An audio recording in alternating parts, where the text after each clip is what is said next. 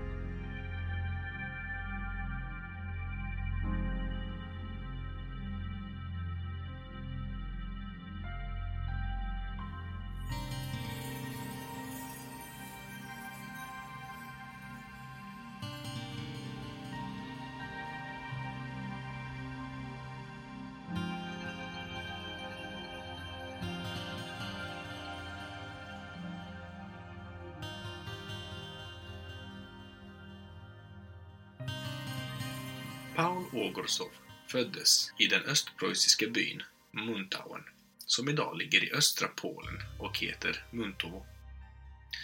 Han föddes som det oäkta barnet till en piga vid namn Marie Saga.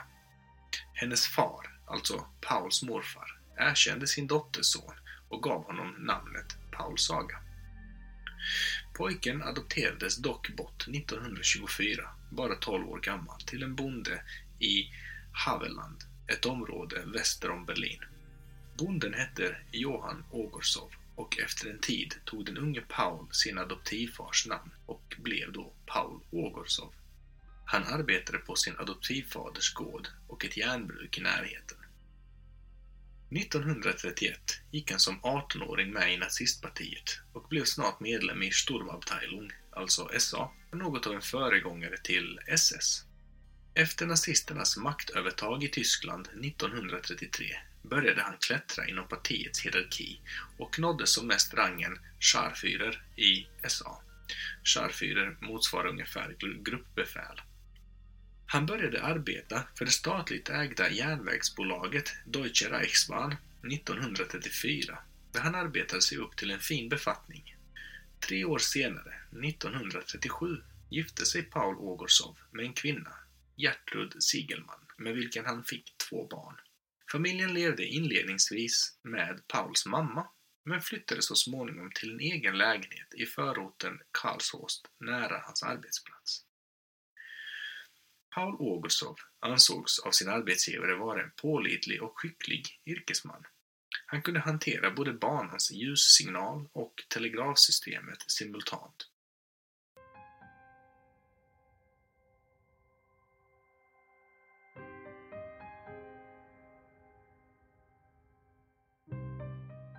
Ågosovs brottsvåg startade ungefär samtidigt som andra världskriget. Häng med nu, för det kommer bli en del datum och lite rörigt. I slutet av augusti 1939 påbörjade han en serie grova övergrepp där han till synes slumpmässigt eh, överföll och våldtog kvinnor runt om stadsdelen Friedrichsfelde Stadsdelen beboddes vid denna tid i huvudsak av ensamma soldatfruar vars män kallats in i Tysklands olika väpnade styrkor. Dessa ensamma och sårbara kvinnor var Ogortsovs huvudsakliga offer och hela 31 enskilda våldtäkter och andra sexuella övergrepp dokumenterades av polisen. Samtliga kopplades senare till Ogorsov. Offren vittnade om att han hade hotat dem med kniv, strypt dem eller slagit dem med trubbiga föremål och i samtliga fall beskrev de att våldtäktsmannen var klädd i järnvägarbetarnas uniform. Hans tidiga mordförsök gick inte som han önskade. Mellan augusti 1939 och juli 1940 knivhögg han tre kvinnor i samband med överfallen, men alla tre klarade sig och skulle senare komma att vittna mot honom.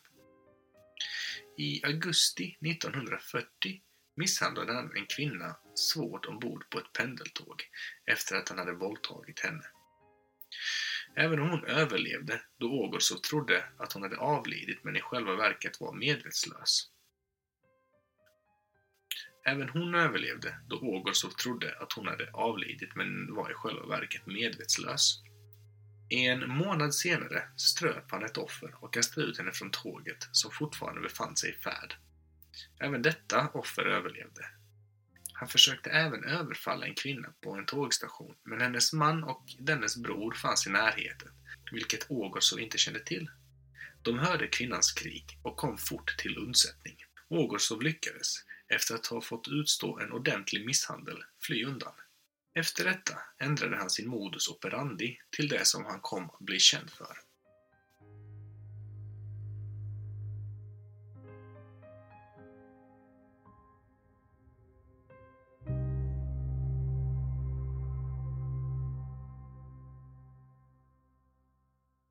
Det dröjde inte länge innan Paul Ogorsov åter var igång. I oktober 1940 startade det vi kan kalla fas 2 av hans brottsliga bana. Detta kom i huvudsak att äga rum längs en 9 kilometer lång sträcka där pendeltåg rörde sig. Iklädd i sin arbetsuniform strövade han omkring i tomma tågvagnar i väntan på offer. Detta skedde nattetid eftersom tågen inte var upplysta på grund av mörkläggningen av Berlin. Man mörklade alltså hela städer under kriget för att försvåra för fientligt bombflyg.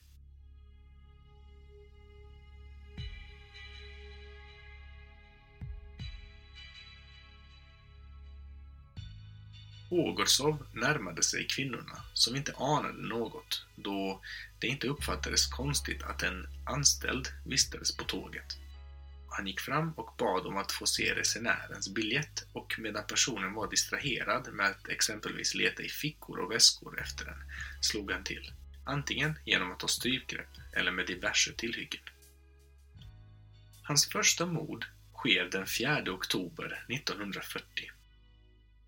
En 20-årig tvåbarnsmamma vid namn Gertrude Ditter var offret.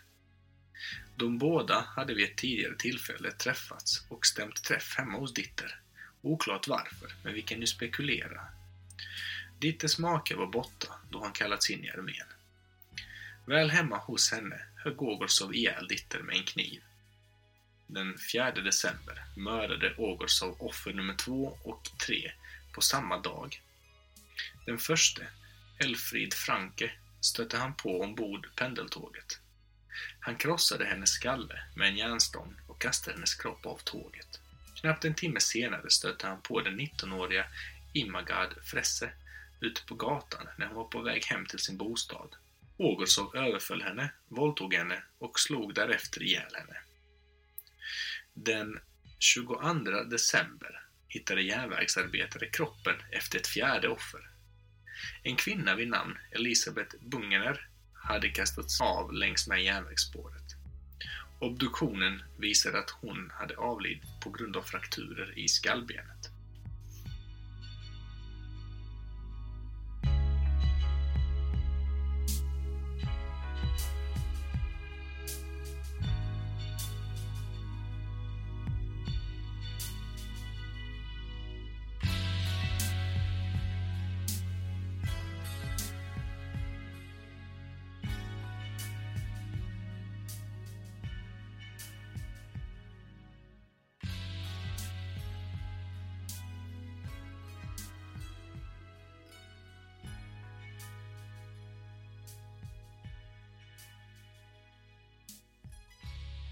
Den 28 december, tidigt på morgonen, överföll August av en annan kvinna på tåget.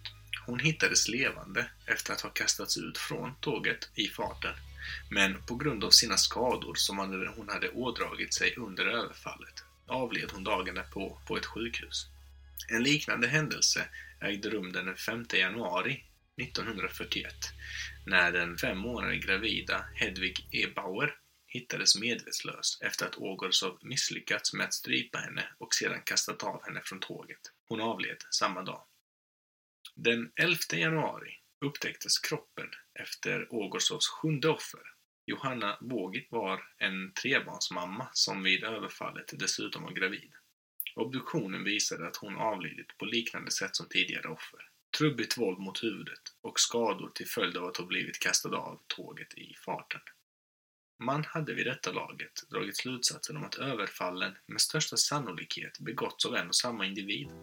Det är nu alltså som Ågårdsov blir den ökände S-bahnmördaren.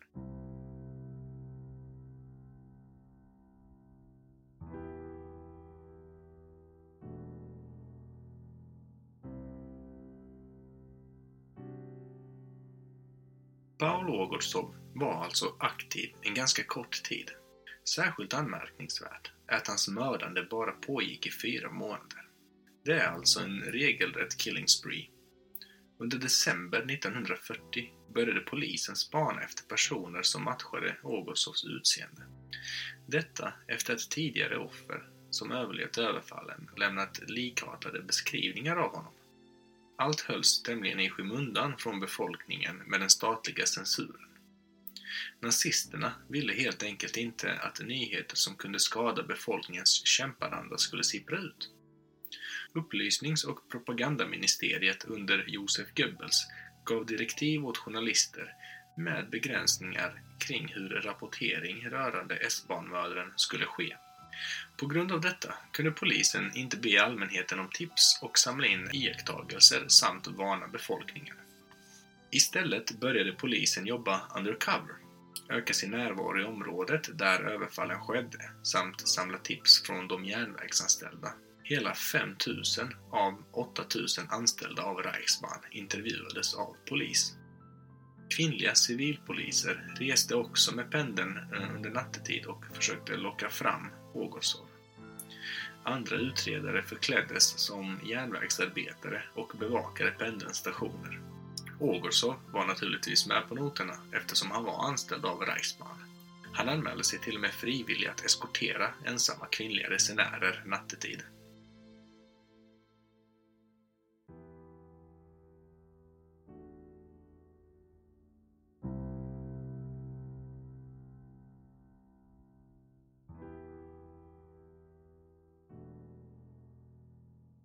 Polisen lyckades trots sina ansträngningar inledningsvis inte ta honom. Dock fick den höga polisiära närvaron Ågårdsov att ligga lågt i fem månader.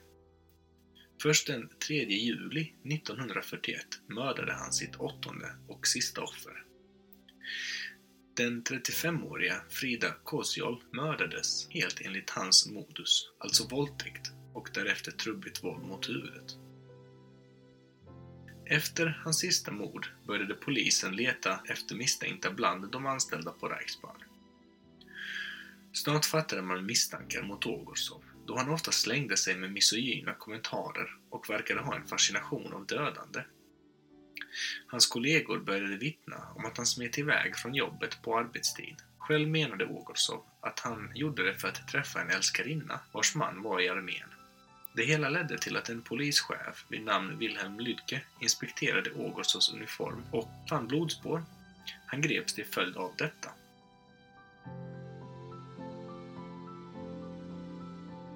Så hur gick ett förhör i Nazityskland till kan man undra. Troligen är vår föreställning inte så långt ifrån sanningen. Ågersov förhördes i ett litet mörkt rum under en ensam glödlampa på klassiskt maner. Han konfronterades med bland annat kranierna från några av sina offer. Ganska omgående började Paul Ågersov erkänna morden och skyllde det hela på sin alkoholism. Han berättade även att en judisk läkare hade behandlat honom mot gonorré men utan framgång. Ogorsov uteslöts formellt från nazistpartiet några dagar innan hans ganska korta rättegång, vilken ägde rum den 24 juli 1941. Han dömdes till döden för totalt åtta mord, sex mordförsök och 31 överfall och våldtäkter. Naziregimen utropade honom till folkets fiende och två dagar senare, den 26 juli, avrättades han med giljotin i Plötzensee-fängelset.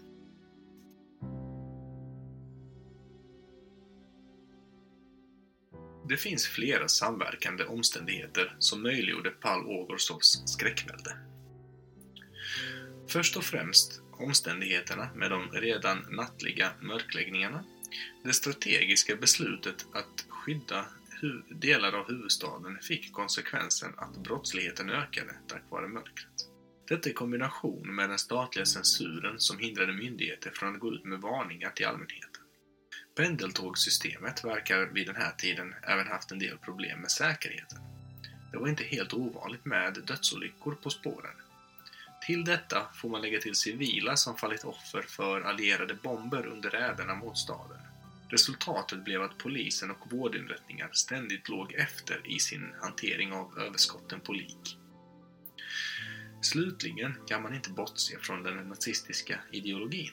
Utredare undvek att peka ut ariska tyskar som skyldiga till sådana brott som Ågårdså gjort sig skyldig till.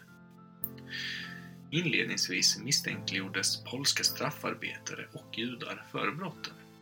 Det blev naturligtvis pinsamt när den skyldige visade sig vara en senior medlem av nazistpartiet och hållare av en hög rang inom SA.